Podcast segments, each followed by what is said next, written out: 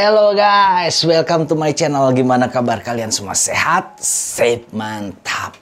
Kali ini guys, gua mau bercerita tentang salah satu rumah horor ya atau rumah terkutuk yang berada di Amerika Serikat.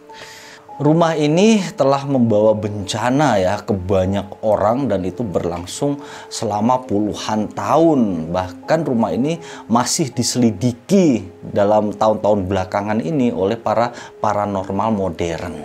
Lokasi dari rumah ini berada di daerah Hartford yang berada di provinsi Indiana, Amerika Serikat. Jadi pada abad awal tahun 1800-an ya atau abad 19 itu di daerah Hartford, Indiana ini terjadi revolusi peledakan ekonomi gitu. Karena di situ ditemukan sebuah cadangan sumber daya gas yang melimpah. Dan di situ lama-kelamaan menjadi pusat industri kaca ya untuk daerah provinsi Indiana itu.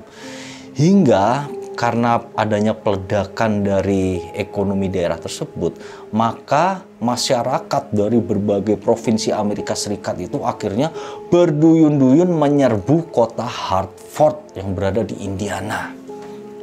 Jadi berita ini bukannya terdengar hanya dari masyarakat Amerika ya, tapi terdengar sampai masyarakat Eropa. Akhirnya orang-orang Eropa itu juga berduyun-duyun mendatangi Hartford untuk mengadu nasib peruntungan mereka. Hingga rumah-rumah pun mulai dibangun di daerah tersebut. Wah, mulai pembangunan ini ya, mulai banyak gitu. Di antara sekian banyak rumah yang dibangun, ada salah satu rumah yang istimewa. Rumah itu akhirnya terkenal dengan nama Rumah Munro. Jadi yang akan kita bahas selanjutnya itu ya rumah ini, rumah Munro ya. Sebenarnya rumah Munro ini tidak diketahui gitu loh sejarah sebenarnya ini yang bikin itu siapa, pemiliknya siapa. Itu sampai sekarang tidak ada data sejarah sedikit pun yang mengulas tentang keberadaan rumah itu pertama kalinya. Sampai di antara orang yang berduyun-duyun menyerbu Hartford itu ada salah satu keluarga yang bernama keluarga Burger. Jadi keluarga Burger ini adalah keluarga imigran yang berasal dari Belgia. Pada awalnya, begitu sampai di Hartford, keluarga Burger ini mengadu nasib dengan bekerja di pabrik kaca yang berada di Hartford. Jadi John Burger ini ya nama kepala keluarganya ini John Burger itu hanya sebagai karyawan biasa saja dia mempunyai seorang istri yang bernama Mary dan dia juga mempunyai lima orang anak. Hingga setelah bekerja di pabrik e, kaca itu ya, setelah selama beberapa waktu, akhirnya John Berger ini memutuskan untuk berwirausaha sendiri. Dia mau mengembangkan usahanya sendiri dan mempunyai pandangan ingin menjadi orang yang kaya. Begitu dia mencoba usaha, set berhasil guys. Dia berhasil menjadi orang yang banyak duitnya. Nah, pada momen itu ada sebuah rumah yang di kota Hartford ini ditawarkan untuk dijual. Rumah yang ditawarkan itu adalah ternyata rumah Monroe karena dia itu tertarik ya dengan rumah itu. Rumah ini apa ya lucu gitu ya. Maksudnya modelnya sederhana bagus bagi dia cocok untuk keluarga dia gitu. Akhirnya dia pun membeli rumah Munro ini pada tahun 1892 jadi Munro ini kan dibangun sekitar pertengahan abad 19 ya atau ya sekitar 1850-an lah gitu kan. Jadi 40 tahun kemudian tuh keluarga John Berger ini membeli rumah itu tapi tahu nggak guys, jadi ternyata pembelian rumah Munro ini ya oleh si Burger ini adalah satu keputusan yang sangat fatal, satu keputusan yang bakal dia sesali seumur hidupnya beserta keturunannya. Jadi setelah beli rumah itu ya, memang tidak diceritakan detailnya gitu. Siapa yang jual itu siapa gitu? Si burger belinya ke mana? Itu tidak ada dalam catatan sejarah sampai saat ini tidak ada. Yang jelas dia membeli rumah itu. Setelah itu berlalu hanya beberapa tahun kemudian ya, John Berger dan keluarganya ini mulai mengalami cobaannya atau gangguannya yang pertama. John Berger mengalami sakit TBC akut. Wah, dia batuk-batuk darah secara tiba-tiba gitu kan. Sampai dia itu akhirnya meninggal gara-gara penyakit TBC itu setelah meninggalnya dari John Berger ini ya, si Mary ini istrinya John Berger ini kemudian kan merasa serem juga ya tinggal hanya dia cewek gitu sama anak-anaknya gitu kan akhirnya dia memutuskan untuk menyewakan gitu menyewakan lantai atas dari rumah Munro ini kepada orang lain ya pikiran dia kan supaya rame gitu ya kali ya rumahnya gitu kan punya temen gitu dia akhirnya kedatangan seorang penyewa bernama Ulysses Miars. Jadi Ulysses Miars ini adalah satu keluarga yang baik-baik saja sih sebenarnya. Dia itu adalah keluarga yang bekerja juga di penambangan gas yang ada di Hartford. Ulysses Miars ada istrinya dan mempunyai tiga orang anak. Dia menyewa nih lantai dua kan. Setelah mereka menyewa ya, dari yang keluarganya asalnya rukun-rukun aja gitu, baik-baik saja, keluarga yang menyenangkan gitu ya. Si Ulysses Miars ini bapaknya itu berubah sifatnya loh.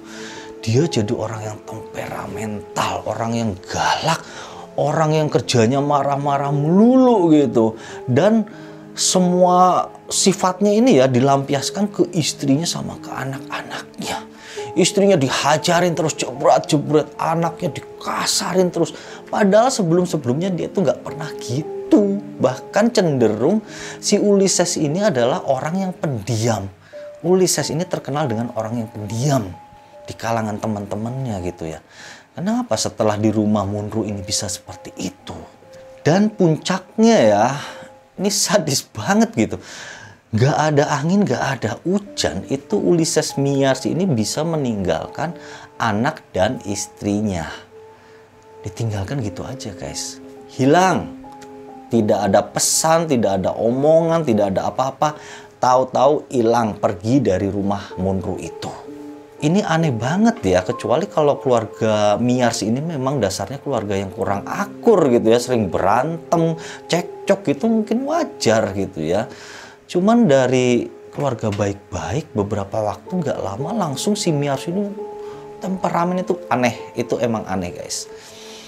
Terus tidak hanya berhenti di situ ya untuk kutukan mungkin bisa dari sini aja udah bisa saya bilang bahwa ini merupakan kutukan sih ya kutukan dari rumah itu gitu loh. Anak dari si Miars ini ya itu tiba-tiba sakit dan sakitnya itu nggak jelas. Maksudnya nggak jelas itu mereka memanggil dokter untuk memeriksa gitu loh. Jadi begitu diperiksa ini penyakitnya apa nggak tahu. Cuman anaknya itu hanya apa tidur aja gitu di tempat tidur dan nggak bisa bangun kakinya serasa lumpuh seperti itu nggak bisa gerak bengong aja gitu jadi itu aneh banget kemudian pada suatu hari ada kejadian lagi nih jadi rumah Munro ini terbakar secara tiba-tiba. Apinya itu disinyalir setelah diselidiki oleh polisi ya. Disinyalir bahwa kebakaran itu berasal dari gudang rumah Munro itu. Dalam penyelidikan polisi, polisi itu tidak menemukan bukti, tidak menemukan saksi, tidak menemukan kira-kira siapa pelakunya gitu loh. Jadi blank. Dalam kasus ini blank. Siapa pelakunya tidak ada dan penyebabnya apa tidak diketahui. Fatalnya lagi ya kebakaran ini telah membakar tetangga-tetangga mereka itu. Jadi tetangga sebelah mereka itu dua rumah itu hangus, habis juga terbakar sampai menewaskan satu orang. Tapi rumah Munro sendiri yang penyebab kebakaran itu tidak terbakar habis, hanya terbakar sebagian saja. Pada saat itu ada saudara dari John Berger ini ya, pemilik rumah itu namanya Marshall. Dia itu sempat menemani istri dari John Berger ini kan tinggal di situ. Cuman itu juga dia setelah beberapa hari kalau ini mah apes banget nih. Dia cuman beberapa hari mengalami kutukan dari rumah Monroe. Jadi ceritanya pada suatu malam nih si Marshall ini baru pulang dari rumah teman-temannya. Begitu pulang, dia itu terkunci. Jadi rumah itu digedor, diketok segala macam. Si penghuni rumah, si Mary Burger ini tidak mendengar. Anak-anaknya juga tidak mendengar. Mungkin karena terlalu malam dan pada saat itu memang sedang terjadi badai salju gitu kan. Jadi suaranya kan memang kenceng angin segala macam kan.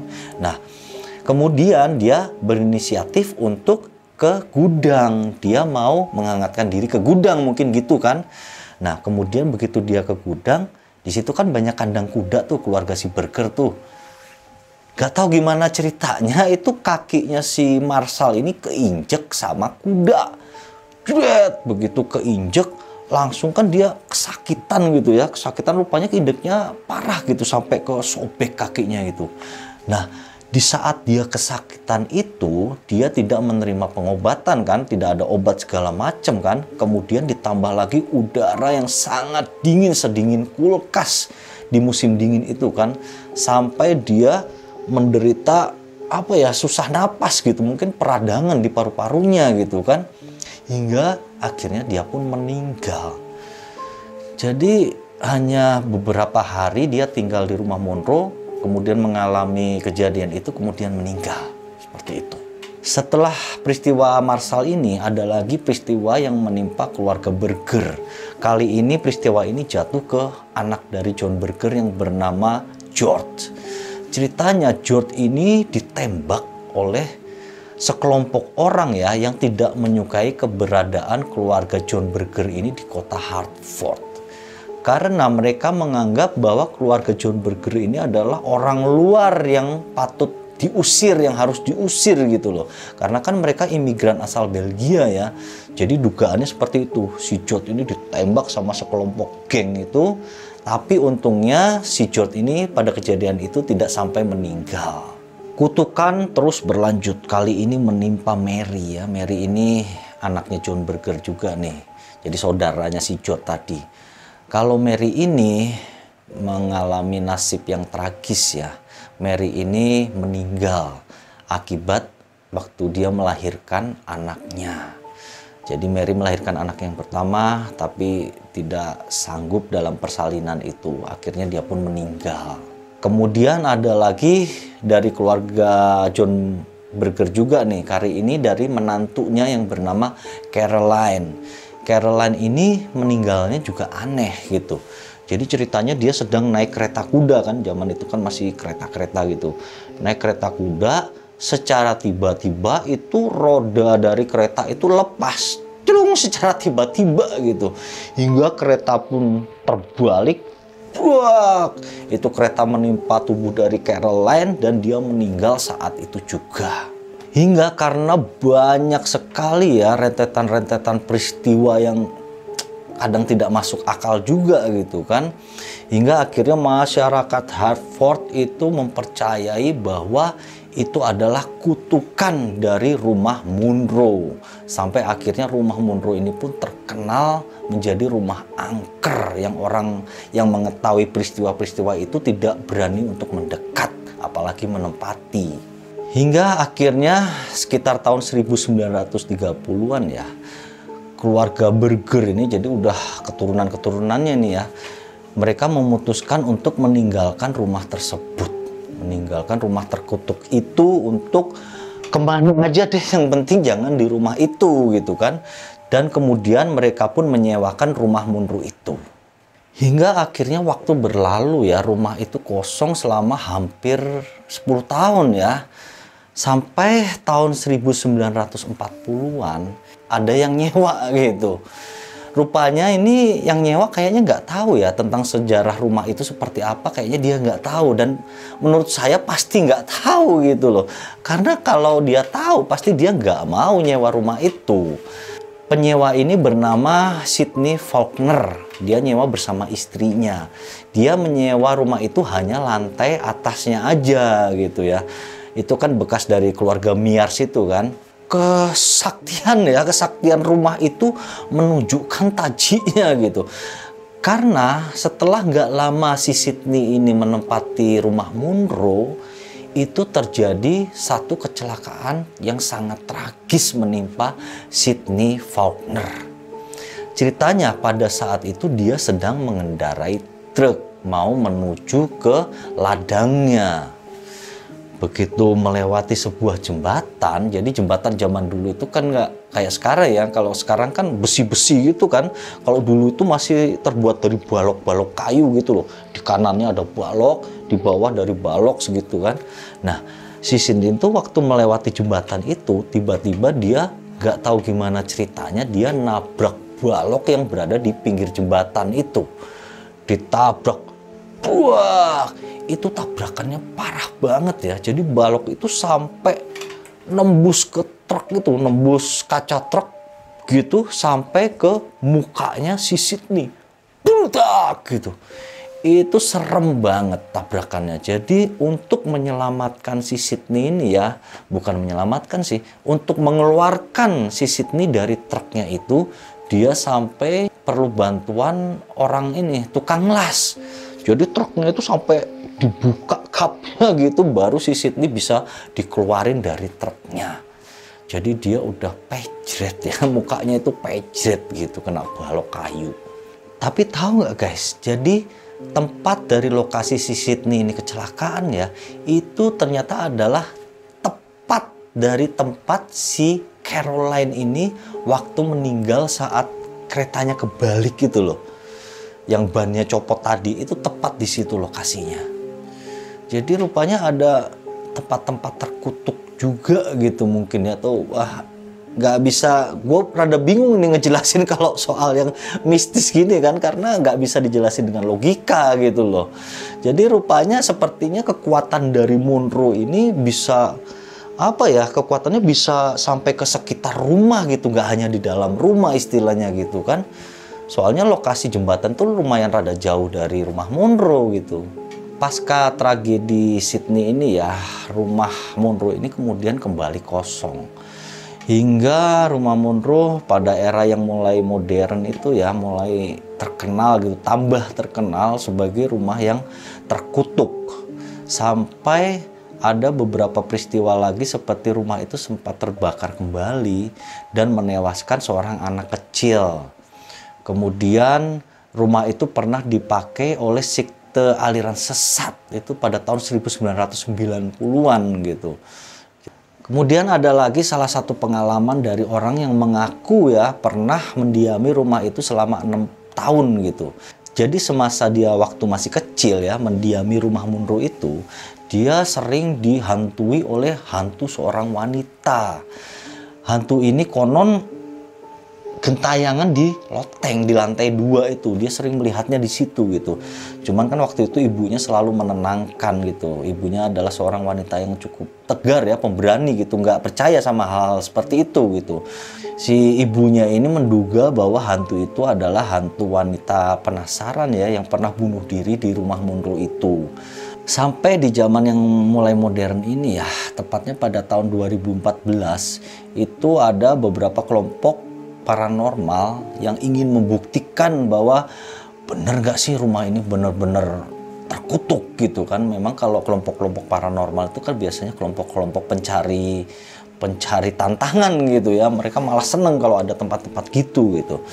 Jadi mereka sendiri itu sampai mengakui bahwa rumah itu benar-benar mempunyai aura negatif yang luar biasa sampai mereka itu dalam penyelidikan itu tidak sanggup menyelesaikan misinya.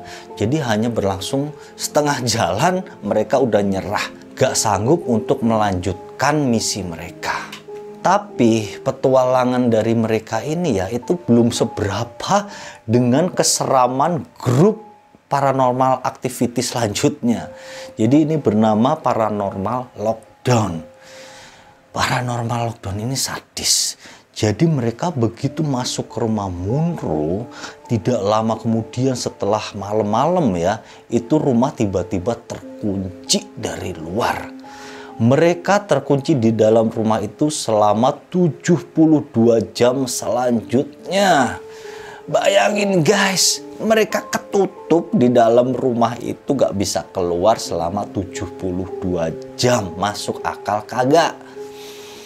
Jadi dari sini aja kita udah bisa narik kesimpulan bahwa benar-benar kejadian ini tidak bisa diterima akal. Kejadian di rumah ini tidak bisa diterima oleh logika. Mereka tidak bisa keluar dari rumah Monroe. Kemudian selama mereka di rumah Munro ini ya selama 72 jam mereka mengalami berbagai kejadian-kejadian yang mengerikan. Puncaknya sampai mereka menemukan tulang manusia. Jadi semacam tulang lengan gitu ya kalau kita lihat dari fotonya itu cocoknya kayak tulang lengan gitu kan. Hingga akhirnya penemuan itu mengundang polisi untuk menyelidiki. Mereka mengambil kesimpulan bahwa tulang itu berasal dari mayat seseorang yang sudah lama. Jadi tidak mungkin tulang itu adalah uh, sisa dari mayat manusia yang lima tahun, dua tahun, tiga tahun ke belakang gitu. Ini tulang sisa dari tulang lama gitu. Sampai kemudian tulang itu akhirnya diselidiki ya oleh salah satu ahli paranormal ya. Ahli mungkin ahli forensik juga gitu ya. Dia melihat tulang ini dari segi tanda-tanda yang ada di tulang itu. Dia menyimpulkan bahwa tulang ini adalah sisa dari proses pemujaan setan tulang ini adalah sisa dari pemujaan yang dilakukan di rumah Monroe. Pemilik pertama dari rumah ini atau yang membuat rumah Monroe ini adalah seorang pemuja setan. Seorang yang suka melakukan ritual-ritual dengan iblis. Seorang sekte sesat.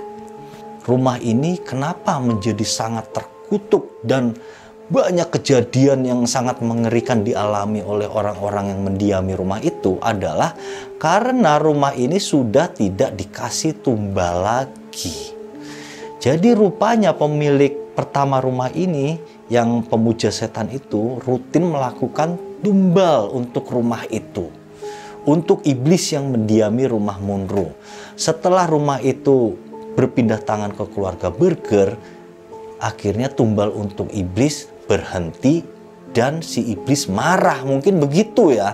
Hingga dia mengutuk atau apa ya memberi hukuman pada orang-orang yang menempati rumah Munro itu. Hingga sampai sekarang rumah Munro sampai detik ini tidak ada yang berani menempati. Dia menjadi satu monumen menyeramkan terutama bagi rakyat kota Hartford yang berada di Indiana Amerika Serikat Mungkin segitu dulu ya kisah tentang rumah terkutuk rumah Munro ini. Semoga dapat mengisi hari kalian saja. Terima kasih atas perhatiannya. Thank you and see you. Petualangan mereka di rumah itu itu nggak sampai tuntas gitu. Aduh, ayam nggak sanggup. Udah menyerah rakyat kota Hartford di Indiana, Amerika. Rakyat kota. Ntar tinggal sekali lagi. Ya Allah, eta